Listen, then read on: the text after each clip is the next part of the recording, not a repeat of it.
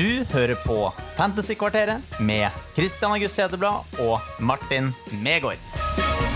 Velkommen skal du være til en ny episode. Martin har eh, dratt av gårde på hyttetur. Derfor spiller jeg inn en litt uh, kortere episode denne runden, i det som er den nest siste denne Premier League-sesongen.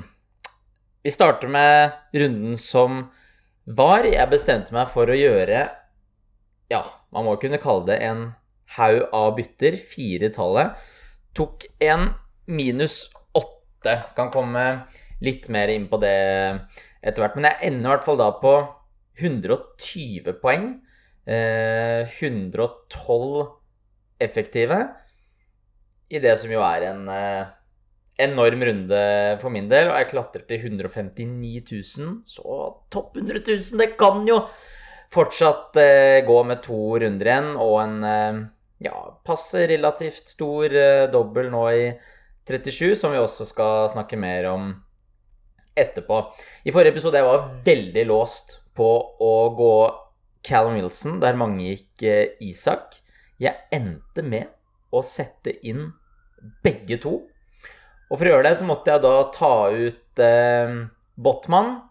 Eh, for jeg hadde både han og Tripper, så for å få plass til dobbel Newcastle på topp, så måtte han ut. Inn med Estupinian.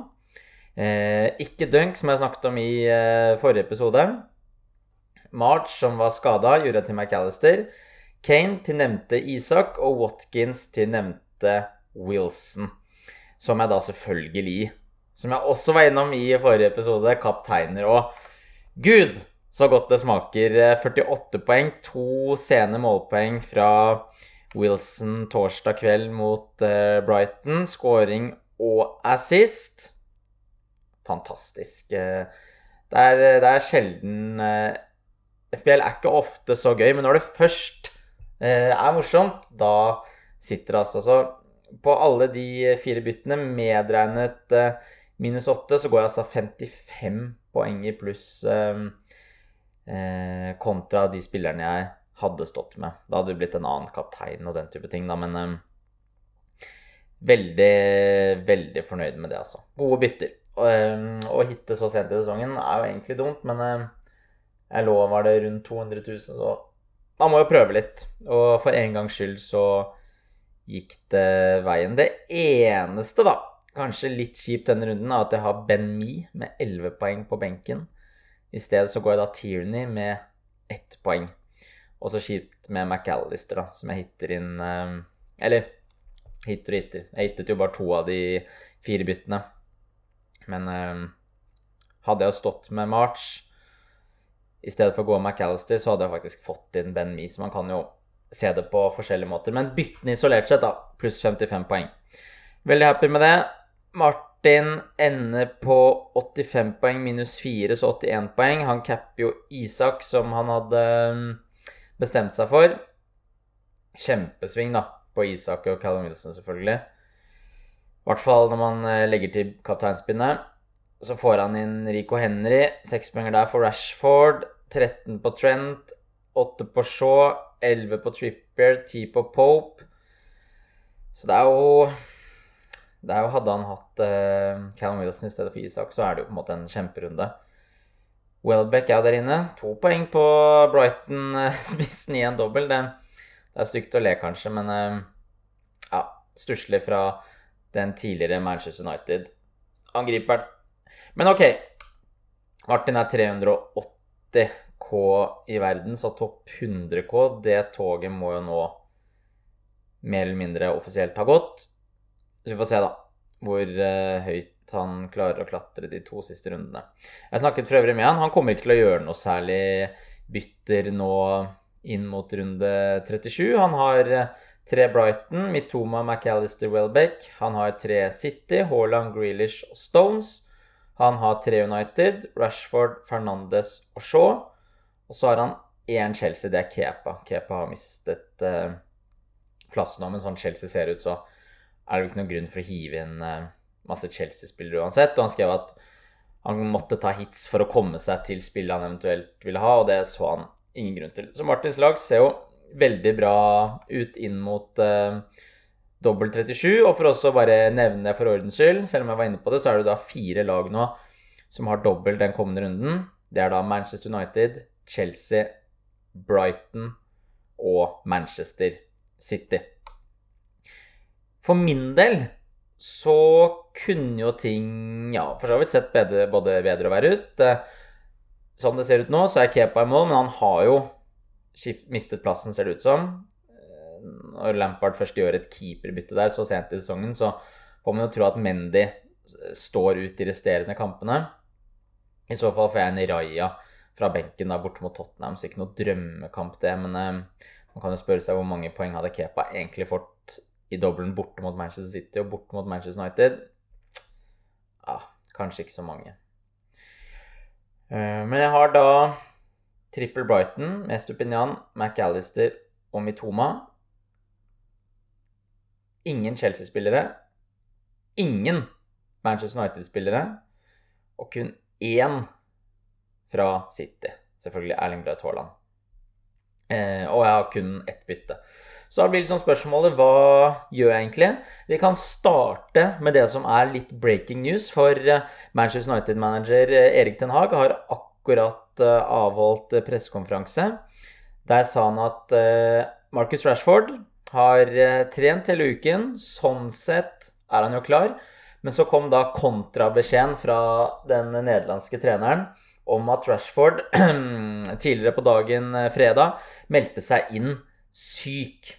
Den Haag sa at eh, Rashford har trent hele uken, men ga fredag beskjed om at han ikke følte seg bra.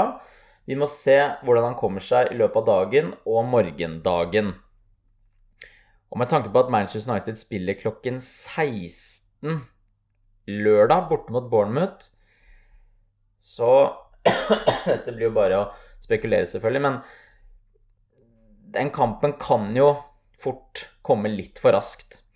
Eh, hvis Rashford da ikke trener fredag. Um, så der blir det litt sånn Min umiddelbare tanke er står man med Rashford, beholde han, eh, ikke drive og ta han ut og hitte han ut og den type ting. Men er man i mine da og ikke har han, så ser jeg jo Så kan dette være en blessing in disguise for min del, ved at jeg da slipper å drive og bruke bytter og hitte inn på Rashford. Eh, og så får jeg da håpe da at han i den grad det er lov å håpe at spillere skal være eller forbli skadet, så Og det er det jo egentlig ikke. For man for, håper jeg litt at, at, han ikke blir klar til Bournemouth, og så eh, ikke får med seg noe særlig i hjemmekampen mot Chelsea på torsdag neste uke. Eh, så mine tanker er jo å gå Rashfords lagkamerat, Bruno Fernandes. Han er vel fort eh, et must i denne dobbelen. Fernandes har jo plukket rikelig med poeng i dobler, han eh, tidligere. Og sånn det ser ut akkurat da, at jeg tar ut eh, Ødegaard og gjør han til eh, Fernandes. Gratisbytte. Da er jeg 1,4 i banken. Og da har jeg lyst til å ta minus fire. Egentlig spillere jeg har sett for meg som jeg har lyst på. Eh, både Mares og Grealish syns jeg er spennende, spesielt Mares, siden han ikke spilte noe særlig i eh, Manchester Citys eh, Champions League-semifinaler mot Real Madrid. Mares, alltid artig på FPL. Man må jo selvfølgelig vite at det er en stor risk ved å gå han, men oppsiden er også stor. Grealish har jo spilt mye i det siste. Skal han få seg en hvil nå i Premier League? Ja, det er denne pepperuletten, da, som er eh, fryktelig vanskelig å, å, analysere og prøve å konkludere noe rundt. Det ryddigste sånn sett er kanskje å sette inn en City-forsvarer for eh, Zinchenko, men også der er det jo for så vidt vanskelig å si. Jeg har sett meg ut Diaz og John Stones. Diaz har jo sett virket å være ganske bankers i det siste, men jeg føler det er jo fort når en City-spiller virker å være bankers, det er jo da han eh, får seg en hvil på benken. Men å gå da Diaz eller Stones er jo noe jeg har eh, vurdert, da. En sikrere mann er kanskje Luke Shaw i Manchester United. Um, han er absolutt en jeg også vurderer. Det blir nok en av de tre, om det blir Shaw, Diaz eller Stones. Vi får se, men um, jeg har lyst til å hitte litt, i hvert fall etter at hittekjøret var såpass vellykket i den foregående runden. Selv om jeg har egentlig en regel om å ikke hitte forsvarere, men i en dobbel Ja, kanskje det er litt mer innafor uh, akkurat der. Og så, da, hvis man virkelig skal prøve en diff, da skal vi til, uh, til Chelsea. Og det er jo det, det er nesten litt sånn, det gjør litt vondt å si det, men Raheem Stirling, dere, leverte to skåringer i eh, Chelseas 2-2-kamp mot Nottingham Forest sist. Eh, spilte 90 der, bare 27 i runden før mot Bournemouth. Og så var det 70, 78, 56, 67, så han er på ingen måte noen 90-minutters eh, mann, godeste Stirling. Men eh, en skikkelig diff, da, i, nå i Gameweek 37. Selvfølgelig et stort argument mot er jo kampprogrammet. I dobbel nå, borte mot City, borte mot United.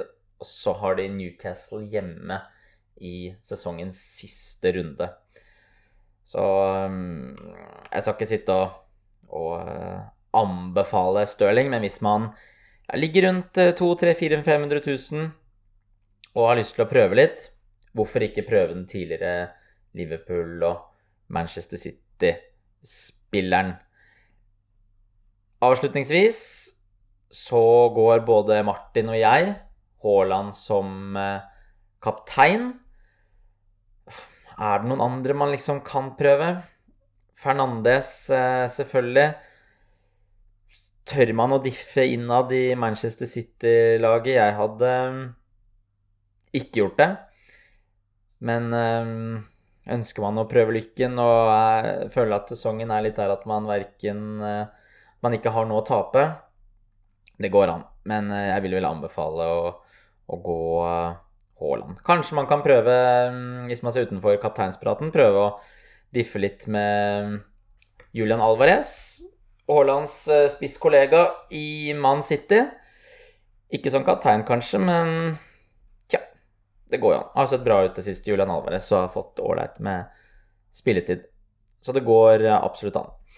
Jeg tror vi eh, runder av der. Tusen takk til alle som hører på og masse, masse lykke til med runden.